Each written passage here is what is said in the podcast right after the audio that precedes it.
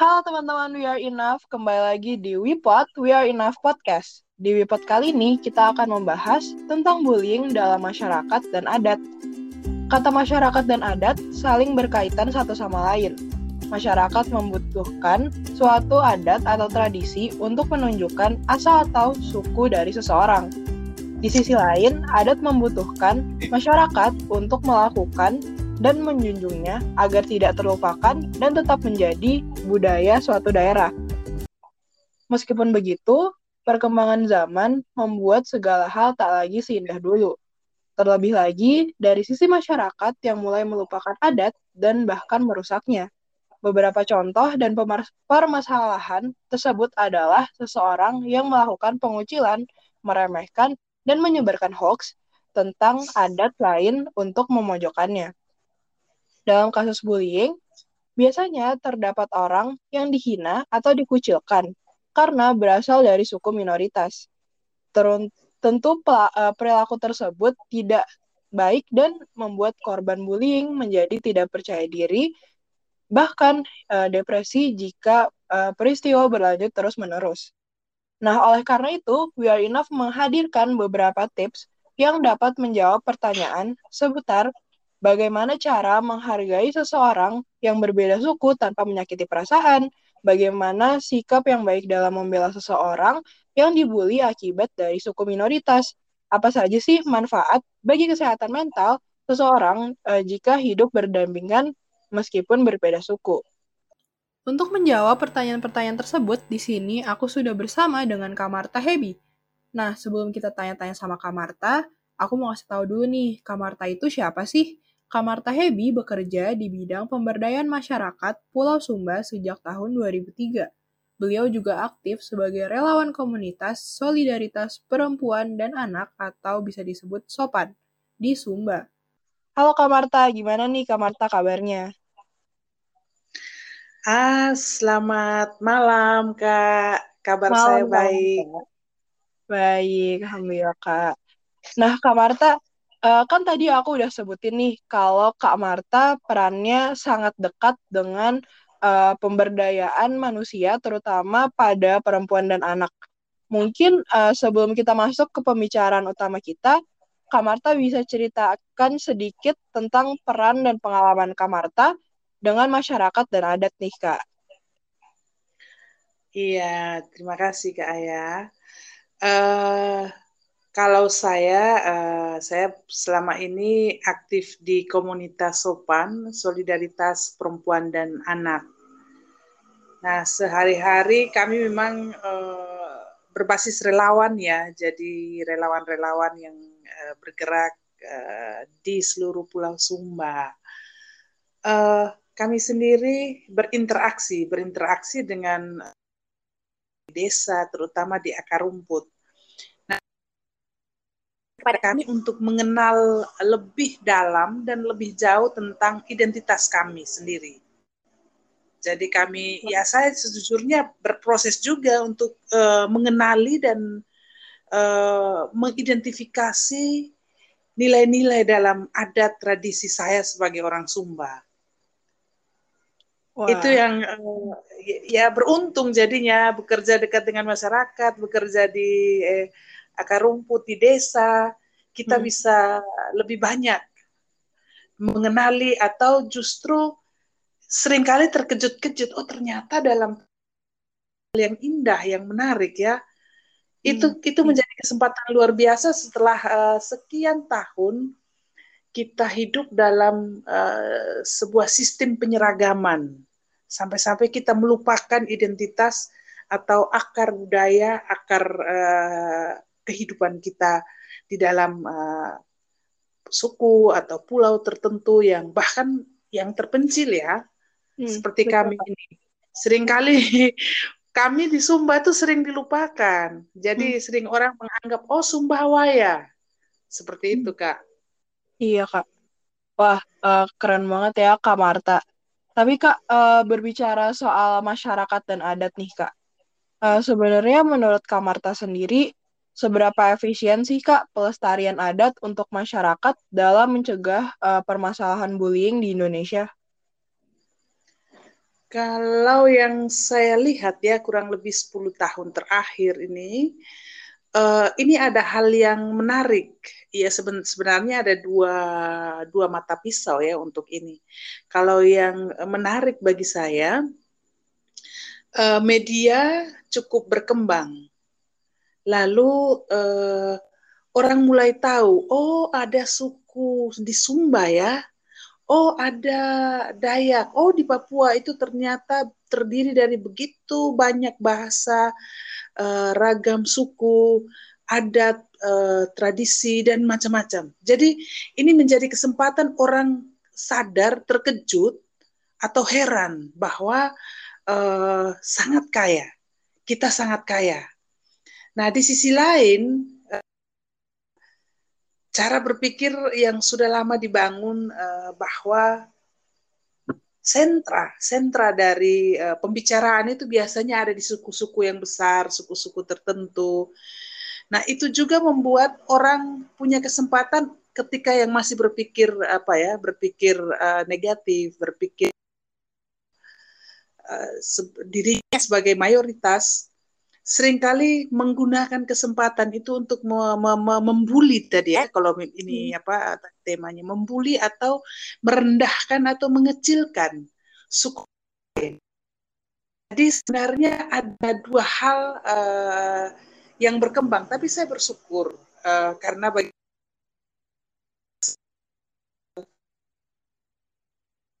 ketika aku di Nusantara ini di Indonesia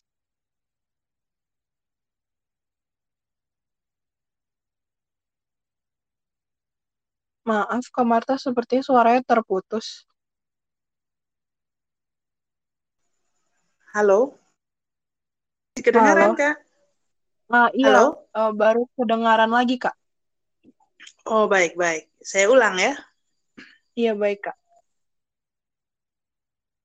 Dalam 10 tahun terakhir ini, uh, saya melihat ada hal yang positif.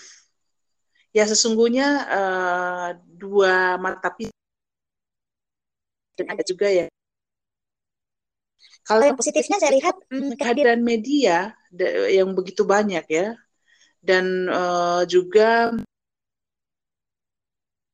itu beragam orang tidak hanya mengakses lewat uh, media uh, online offline. Jadi uh, ada media-media alternatif. Kalau dulu betul-betul media dipegang oleh satu dua pihak saja, tapi saat ini cukup banyak uh, media yang bisa mendistribusikan informasi. Sehingga kami atau banyak masyarakat yang selama ini hanya mengenali uh, identitasnya atau budayanya sendiri, tradisinya sendiri, itu juga mengenali bahwa kita ini sangat kaya, Indonesia sangat kaya dan mulai tahu bahwa oh ternyata ada yang namanya Pulau Sumba, oh suku Sumba ada, Sabu ada, oh dari Flores itu ternyata ada, oh di Papua juga beragam bahasanya ratus juga ratusan. Tradisinya masing-masing suku itu beda. Nah, misalkan seperti itu. Jadi orang apa diberi kesempatan untuk uh, mengenali keberagaman yang ada di Indonesia mengenali kekayaan yang merupakan aset yang sangat kuat untuk uh, sebuah uh, negara. Negatifnya apa? Negatifnya kalau saat ini ya, ketika media berkembang dengan bagus, kita telanjur sudah sekian tahun, puluhan tahun itu direcoki uh, tampilan bahwa memang suku-suku uh, mayoritas Eh, kelompok-kelompok mayoritas yang akhirnya adatnya, tradisinya itu dipublikasikan. Sehingga ketika ada yang berbeda, orang melihat itu sebagai sebuah keanehan. Nah, ini akhirnya menjadi ruang atau menjadi uh, kesempatan orang yang menganggap diri sebagai mayoritas, suku mayoritas yang besar, melakukan bullying kepada kelompok-kelompok minoritas yang uh, kemudian tumbuh atau berkembang atau punya uh, ruang untuk menyampaikan identitas dirinya. Kaya.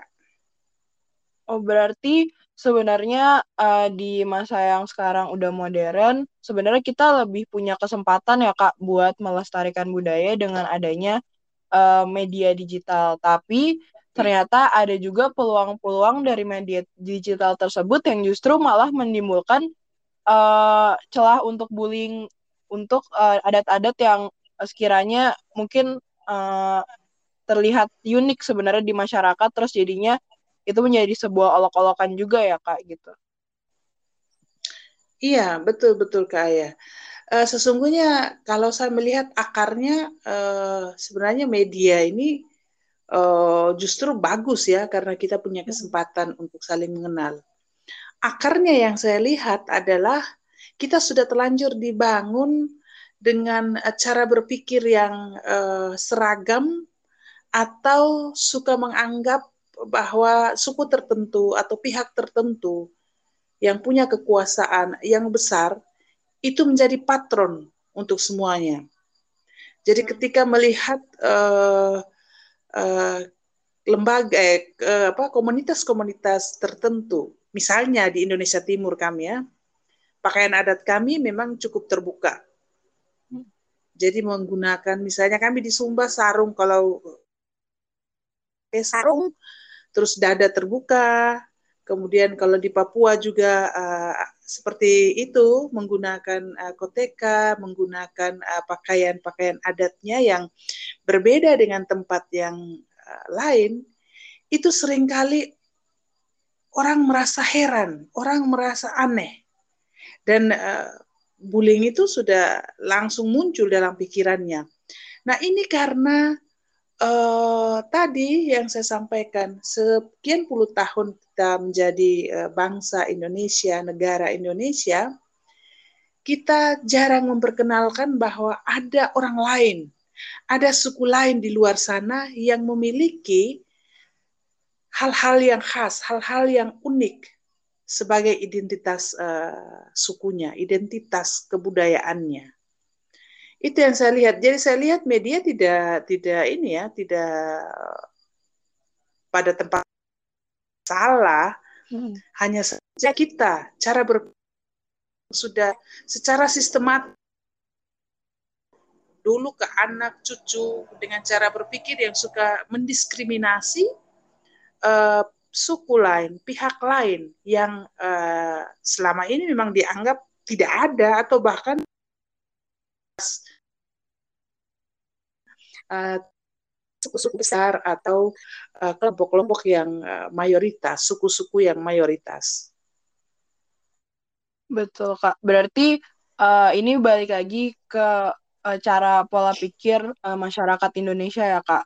Makanya dari apa pola pikir yang di, sudah ditanamkan uh, pada masyarakat Indonesia tersebut, uh, jadinya uh, muncul uh, alasan-alasan mereka atau perilaku mereka yang menghina atau justru mengucilkan uh, suku minoritas gitu ya kak betul kak?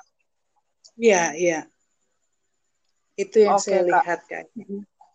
Nah, mungkin kalau misalnya dari Kak Marta, uh, apakah ada alasan lain kak uh, dari perilaku orang-orang yang masih menghina ataupun mengucilkan uh, suku minoritas selain yang tadi sudah Kak Marta sebutkan mungkin? Iya, itu uh, satu hal yang sangat penting, itu pendidikan ya. Sistem pendidikan kita. Secara sistematis yang saya sampaikan dalam proses kehidupan yang lebih luas. Tetapi yang secara khusus saya lihat pendidikan uh, karakter uh, di kalangan anak. Ya kalau ada yang berbeda itu sering uh, waktu masih kecil kita sering menertawakan ya. Memang itu akhirnya penularan dari bagaimana uh, negara dulu secara sistematis. Saya saya mengatakan begitu ya, negara hmm. pada pemerintahan masa lalu secara sistematis menggunakan bineka tunggal ika itu sebagai simbol, tetapi lupa memperkenalkan bineka tunggal ika itu seperti apa, keragaman itu seperti apa. Itu itu tidak dilihat. Jadi hanya dilihat bahwa oh kita ini Indonesia yang beragam, tetapi beragam itu seperti apa kan tidak pernah ada potret seperti itu. Nah itu dimulai dari sistem pendidikan kita juga, pendidikan formal secara di di sekolah-sekolah ya. Kita, iya. saya bahkan ya, saya sebagai orang Sumba tidak mempelajari uh, suku saya, diri saya, identitas saya, karena kan adalah hal yang sangat besar. Oh ini provinsi ini jadi tampilan-tampilan uh, pelajaran juga atau informasi juga lebih kepada uh, suku-suku uh, mayoritas, lebih kepada uh, sesuatu yang dapat terjangkau dengan media atau dapat diatur dengan media pada masa itu. Sedangkan kami yang tidak terjangkau, ya kami kami juga minder. Saya saya waktu masih kecil itu juga minder untuk membanggakan uh, suku saya, membanggakan tradisi adat saya. Jadi saya melihat di sistem pendidikan kita. Jadi bagaimana ya, akhir-akhir ini saya melihat menarik karena kalau misalnya di Sumba pelajaran mulok muatan lokal itu ada kesempatan anak-anak SD mengenali uh, tradisi tenun, bahasa, Nah, mengenali diri sendiri dulu. Hmm. Jadi sebelum akhirnya kita mengenali kekayaan uh, suku-suku di seluruh Indonesia, nah kita perlu mengenali diri juga. Nah, sekarang ini cukup cukup bagi saya cukup bagus karena ada ruang mengenali diri kita sendiri.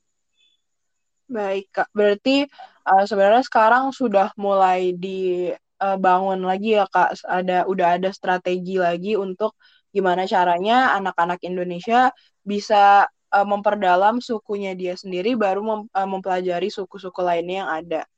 Oke kak, kalau misalnya nih kak dari uh, tadi yang udah Kak Marta sebutin juga dari sisi uh, negatif, positif bullying yang ada di Indonesia uh, terhadap masyarakat dan adat kak.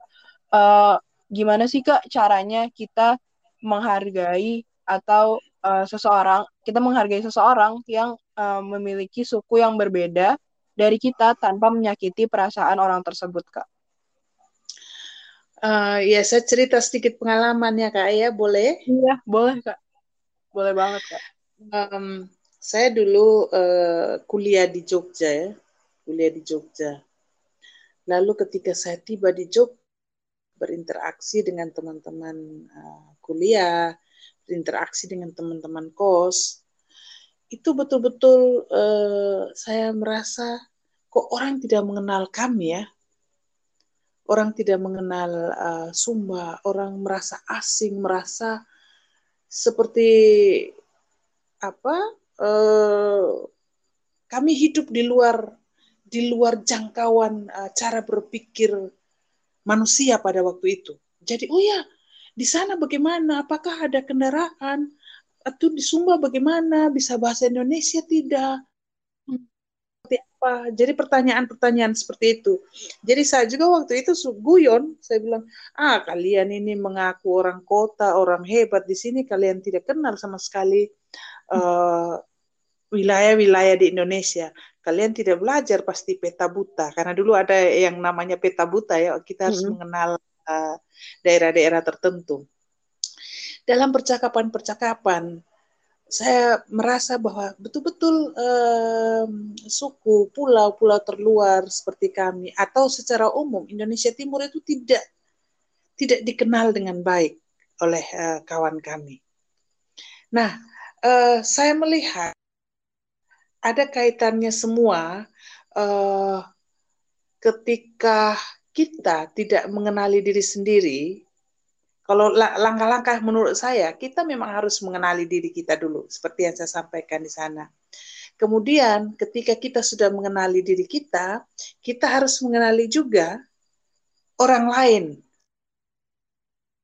sekitar kita. Saya dulu uh, berproses ya bagaimana harus hidup di Jogja yang rata-rata pakai bahasa Jawa dengan tata krama yang berbeda sekali dengan uh, orang di Sumba.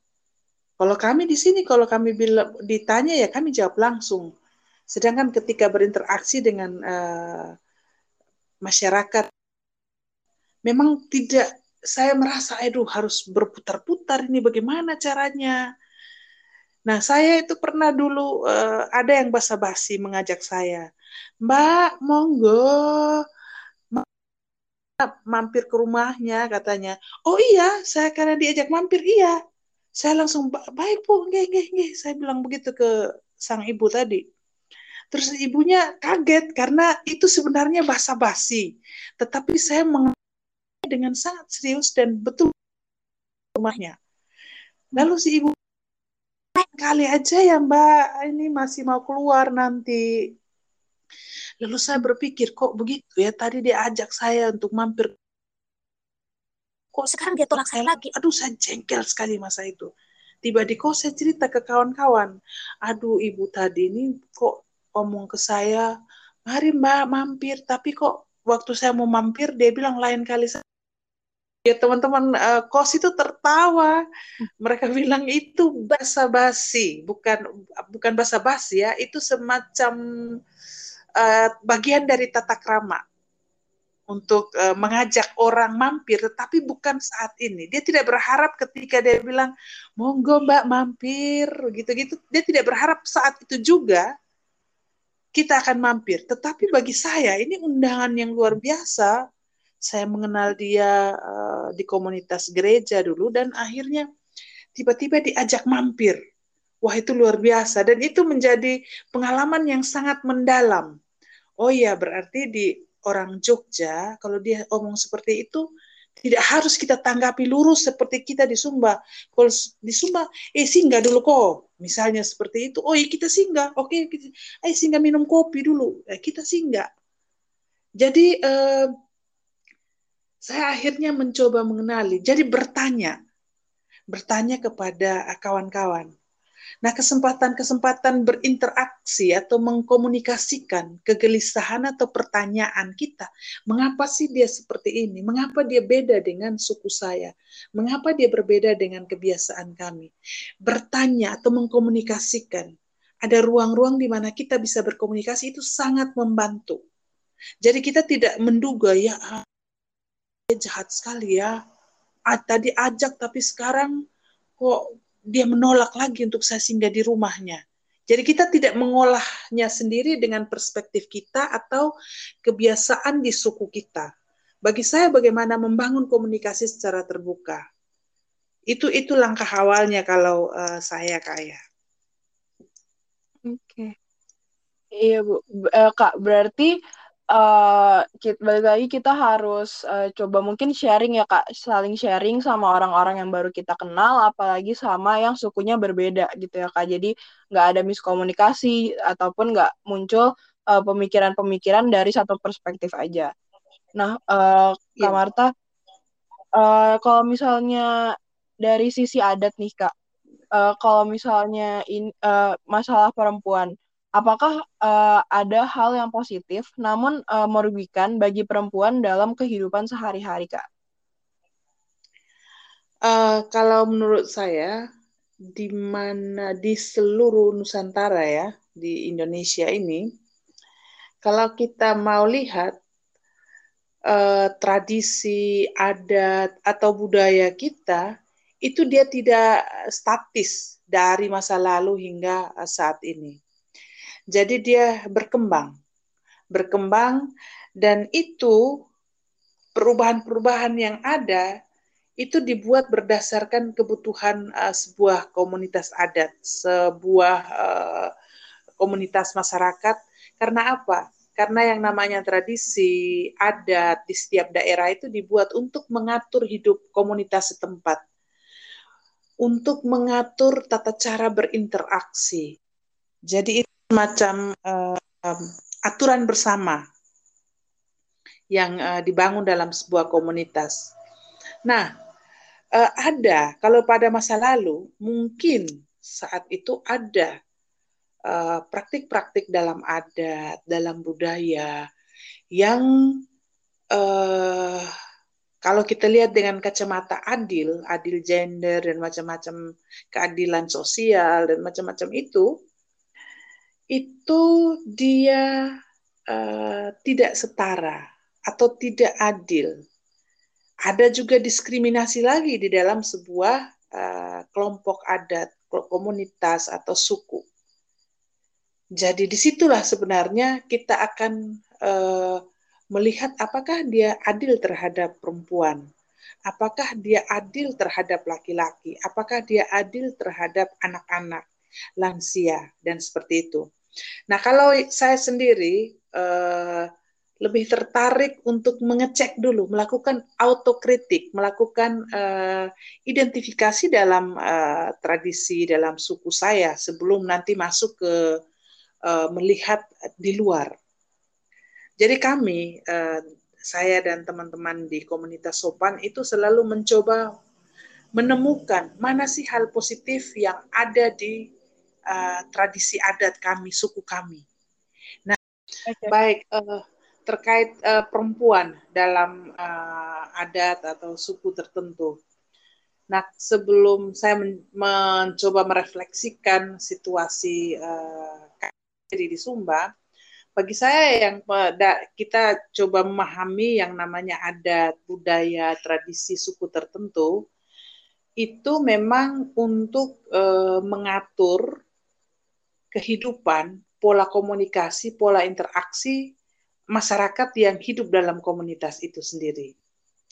Jadi ketika kita melihat, coba melihat suku, apakah itu kita di Indonesia ataupun di luar, pasti ada kebiasaan, tradisi atau budaya suku-suku itu yang oleh komunitas itu merasa, oh ini sudah tidak bisa kita pakai lagi sekarang karena uh, proses kehidupan, budaya, tradisi itu dia tidak stuck, dia tidak dan tidak di akhirnya satu hal dipakai untuk seterusnya. Ada yang bisa dipakai, tetapi tidak semuanya.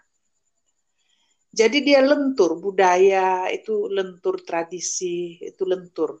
Kalau orang atau komunitas di situ sudah merasa, wah ini saya tidak nyaman dengan ini, Nah, biasanya ada ada yang uh, meninggalkannya, tetapi ada juga yang tetap memakainya. Nah, itu kalau cara berpikirnya mirip tadi, kalau kita lihat secara utuh, secara besar, bagaimana suku-suku mayoritas merasa itu sudah yang paling benar. Jadi yang minoritas itu oh, salah caranya, salah tradisinya. Nah, itu karena proses komunikasi yang uh, tidak terbangun. Begitu juga ketika kita masuk dalam suku, apakah suku minoritas atau mayoritas, saya ambil contoh, suku minoritas. Di dalam suku minoritas juga itu ada yang namanya diskriminasi atau proses pembedaan, proses merasa yang ini yang paling benar. Oh, cara berpikir seperti ini yang paling benar. Nah, bagi saya ada praktik-praktik yang uh, tidak setara untuk laki dan perempuan di dalam tradisi atau adat atau uh, kebiasaan suku-suku tertentu. Kalau saya lebih suka untuk uh, melihat sendiri, melakukan autokritik untuk uh, suku kami, untuk uh, kebiasaan tradisi yang oleh kelompok-kelompok yang berpikir, yang mendominasi cara berpikir atau adat, itu merasa itu yang paling benar. Jadi uh, bagi saya, saya mencoba melakukan uh, autokritik itu. Saya mengambil contoh yang uh, selama ini terjadi di Sumba, praktik kawin tangkap. Ya mungkin uh, Kak Ayah juga sudah dengar, para pendengar juga sudah sering dengar tentang uh, praktik kawin tangkap yang oleh sebagian pihak itu masih menganggapnya itu sebagai tradisi suku uh, di Sumba yang perlu dilanjutkan. Jadi kawin tangkap itu mengambil seorang perempuan dengan paksa untuk dijadikan istri. Jadi mau diambil paksa di mata air, di pasar, di mana itu praktik itu ada dan biasanya ketika ada hubungan kekerabatannya itu dilakukan sebenarnya bagian dari uh, sesuatu yang dianggap uh, ini akan melanggengkan relasi kekerabatan yang sudah ada. Jadi proses pemaksaan terhadap perempuan proses pemaksaan itu juga disertai dengan kekerasan, kekerasan uh, psikis, kemudian kekerasan fisik, bahkan ada pelecehan seksual di dalam uh, praktik uh, tradisi atau sesuatu yang dianggap sebagai tradisi atau adat atau budaya di dalam uh, suku kami. Nah, kami melihat itu dan sebagai orang Sumba, kami menggugatnya, kami menggugah hati semua orang untuk melihat bahwa praktik ini sudah melukai manusia lain yang juga hidup dalam komunitas uh, adat, komunitas uh, uh, setempat.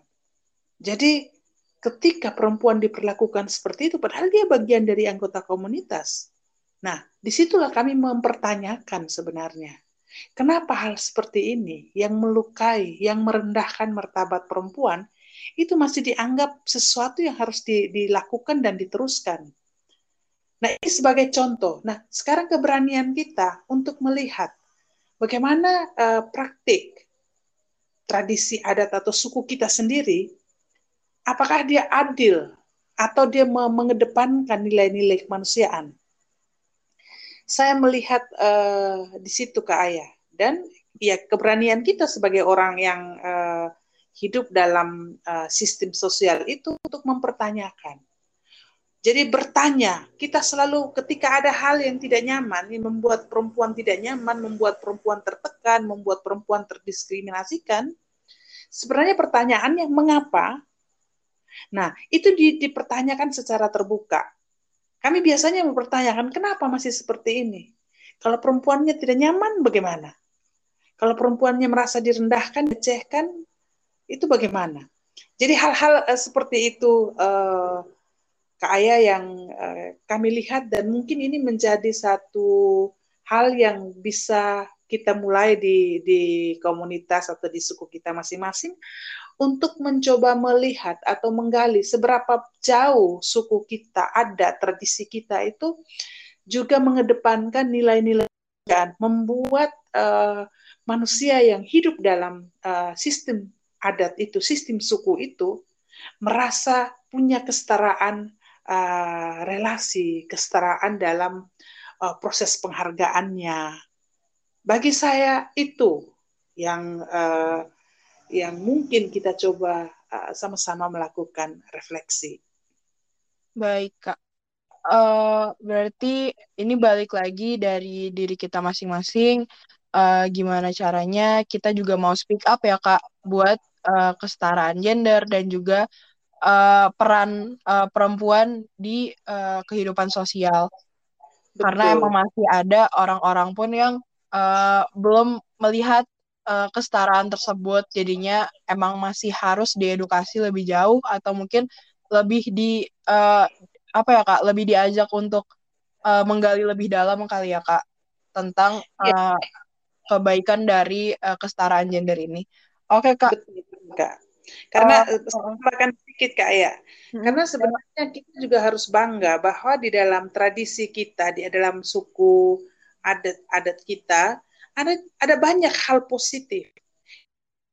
Uh, satu hal yang saya belajar di salah satu uh, komunitas di Sumba di Sumba itu pemanggilan nama nama uh, seseorang itu digabung laki dan perempuan misalnya yang uh, laki nama Rangga hmm. perempuannya nama uh, Rehi kalau panggil suaminya itu Rangga Rehi Sedangkan kalau panggil si istri yang nama Rehi tadi itu Rehi Rangga. Jadi ini apa bagaimana orang melihat? Sebenarnya kesetaraan. Ya, dimulai dari bagaimana memanggil uh, nama mereka digabung. Kalau panggil yang perempuan perempuan duluan. Kalau yang panggil laki-laki laki-laki duluan. Rangga Rehi atau Renggi Raha Renggi Rehi Rangga. Hmm. sedangkan dalam praktik yang selama ini biasanya kalau si suami namanya um, uh, Pak Anton, nanti si istri dipanggil Bu Anton. Hmm, iya. Sedangkan ada praktik yang menarik di salah satu komunitas di Kodi di Sumba Barat Daya, salah satu kabupaten di Sumba, itu panggilannya seperti itu. Kalau suaminya nama Rangga, istrinya nama Rehi, panggilan untuk si suami itu Rangga Rehi. Untuk istrinya itu Rehi Rangga. Nah, saya, pikir kita juga mengidentifikasi hal-hal positif, lalu itu yang kita tularkan secara terus-menerus ke generasi berikutnya. Betul, Kak. Aku justru baru tahu nih, Kak. Ini menarik banget sih, Kak. Karena ya uh, sebenarnya itu juga jadi diskusi ya, Kak. Ada pada apa masyarakat tentang yang kalau misalnya sudah uh, menikah terus uh, suaminya dipanggil nama suaminya atau sedangkan istrinya uh, dipanggil dengan uh, nama belakang suaminya juga. Jadi yeah. kayak seolah-olah uh, nama nama nama istrinya kayak nggak dianggap gitu. Padahal tadi yang kakak cerita ada juga uh, suku yang uh, justru uh, ng nganggap dua-duanya. Bahkan kalau mis walaupun ada keterlibatan nama suami, tetap aja nama istri itu harus dilibatkan gitu ya kak. Jadi Betul. itu mungkin salah satu bentuk juga uh, gimana caranya kita membalance uh, kesetaraan antara laki-laki uh, dan juga perempuan di uh, masyarakat. Oke kak. Iya. Uh, kalau uh, gitu uh, gimana sih kak uh, yang uh, sikap yang baik dalam membela seseorang yang dibully akibat dari suku minoritas kak? Uh, kalau bagaimana cara membela ya kalau saya punya pandangan Uh, yang pertama memang kembali lagi sebelum kita lakukan pembelaan kita harus mendalami apa sih yang terjadi, persoalannya apa. Kemudian uh, kita mulai masuk ke mengapa. Misalnya kalau kalau uh, masih ingat kali lalu ada persoalan ikan kuah kuning ya hmm. di uh, dalam sebuah uh, podcast uh, seorang uh, selebriti selebriti hmm. kuliner.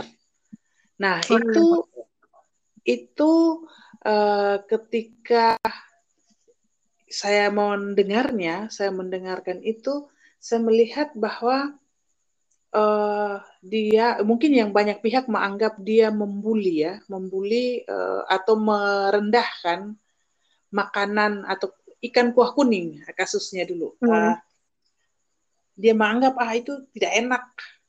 Jadi uh, cara dia menyampaikan itu betul-betul uh, pihak tertentu merasa direndahkan atau merasa ya kok orang ini tidak menghargai keberagaman. Hmm. Nah, kalau kalau saya uh, melihat uh, fakta pada waktu itu, ya sebenarnya saya langsung balik lagi ke belakang. Sebenarnya mengapa orang itu berkata seperti itu? Ya saya melihat bahwa memang um, keadilan memunculkan atau mempublikasikan atau mewartakan keberagaman itu memang belum belum 100% ya. Belum 100% terjadi di Indonesia. Jadi hmm. masih ada sebenarnya ketika kita menampilkan oh kenapa ya uh, orang di Jawa misalnya kalau masak pakai pakai gula, tapi di tempat lain tidak pakai gula.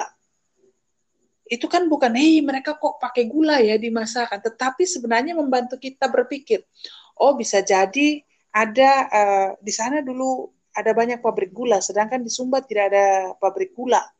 Hmm. Jadi oh yang ada di kami garam, terus apalagi daun-daun yang ini. Sedangkan di Jawa sana ada begitu banyak makanan yang berbeda.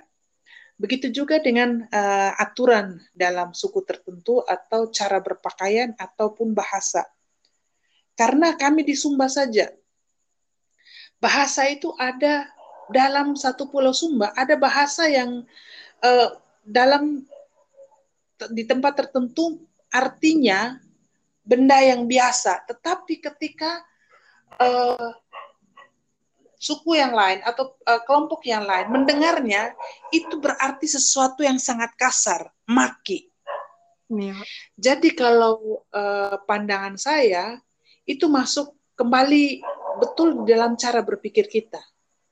Bagaimana uh, cara berpikir yang bagi saya yang penting itu bahwa kita hidup uh, damai dengan pihak lain. Kita hidup bisa berinteraksi uh, dalam keberagaman.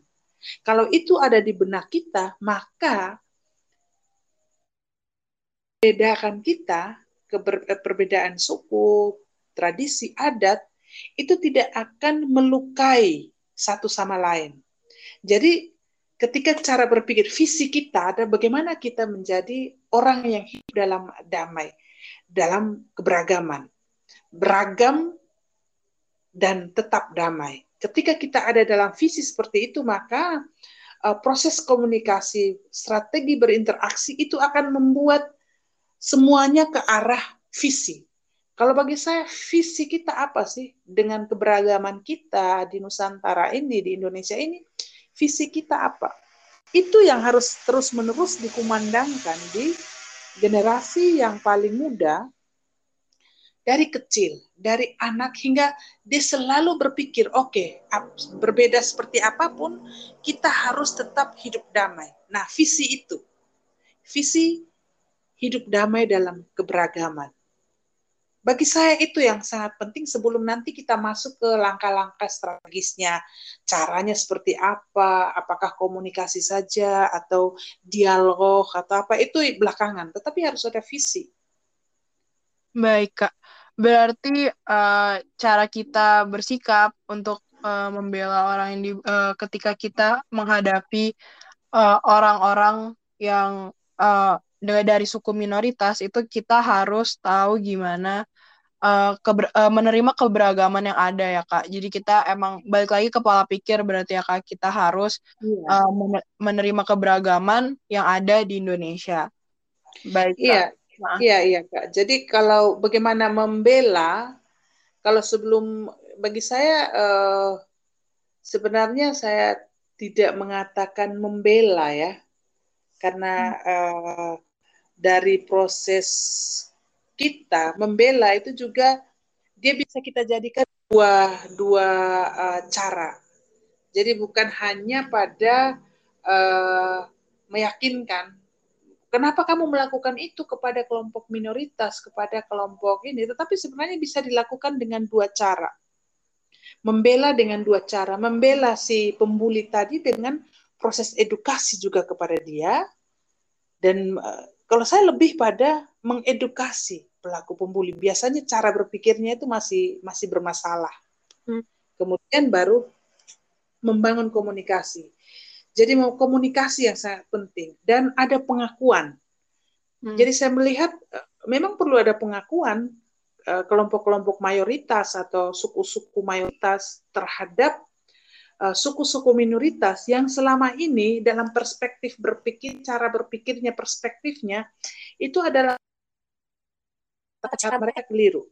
Harus ada pengakuan. Oh, ternyata memang mereka beragam, berbeda dengan saya. Saya berbeda dengan mereka. Dari proses pengakuan, proses itu itu yang akan membangun uh, ke keselarasan, keharmonisan hidup bersama. Jadi bagi saya uh, tidak lagi berpikir bela yang uh, suku minoritas atau karena nanti kalau oh bela suku minoritas artinya nanti kita ada lagi proses yang juga tidak adil kepada pelaku. Karena sebenarnya si pelaku itu adalah korban. Korban hmm, sebuah sistem. Nah, dia korban sebuah sistem. Jadi lebih baik uh, bagaimana menggagas model agar tidak ada lagi bully. Karena kalau si korban ini nanti dia akan dibully lagi, kamu kok jahat toh? Nah, itu dia dibully lagi. Tetapi bagaimana hmm. untuk oh ya dia ini korban, korban sebuah sistem. Baik, Kak. Betul, berarti balik lagi ya Kak itu harus ditanamkan di uh, masyarakat Indonesia uh, kita nggak bisa ngebela minoritas doang nanti jadi nggak adil untuk mayoritas dan juga balik lagi kita nggak boleh uh, memandang uh, kecil juga minoritas. Jadi kita harus bisa uh, tentunya bersikap adil ya kak untuk jadi tidak membanding bandingkan antara satu masyarakat dan lainnya. Nah uh, kak Marta uh, menurut kak Marta dari tadi kan kita udah uh, mendiskusikan. Kak Marta juga tadi sudah menyebutkan uh, beberapa hal tentang uh, gimana caranya kita bisa uh, hidup berdampingan, caranya kita menerima keberagaman yang ada. Nah, uh, menurut kakak, apakah ada manfaat dari uh, hidup berdampingan tersebut uh, bagi kehada, uh, ke, bagi kesehatan mental seseorang? Ya, pada prinsipnya sebelum kita masuk secara spesifik ke suku, kalau kita hidup ya normalnya bagi saya ya, ketika kita hidup uh, bahagia, senang-senang dengan siapa saja kan itu akan membuat uh, kita selalu tersenyum, kita selalu punya energi yang positif untuk berbagi, kita selalu uh, gembira. Dan bagi saya ini menjadi bagian dari uh, mental kita yang akhirnya juga makin sehat ya. Kalau hmm. dalam bahasa sekarang imun makin tinggi, makin bagus. Nah, bagi saya tentu ada. Tentu ada ketika kita hidup dengan uh, tenang, dengan damai. Nah, itu pasti akan membuat kita nyaman, tenang, bahagia dan secara uh, otomatis membuat kita ingin melakukan banyak hal yang yang juga membuat orang lain nyaman. Nah, kalau uh, menurut saya terkait dengan uh, hidup berdampingan uh, dan kita berbeda suku, bagi saya tentu ada kaitannya. Karena pada dasarnya manusia ingin bahagia, manusia ingin uh, hidupnya tenang.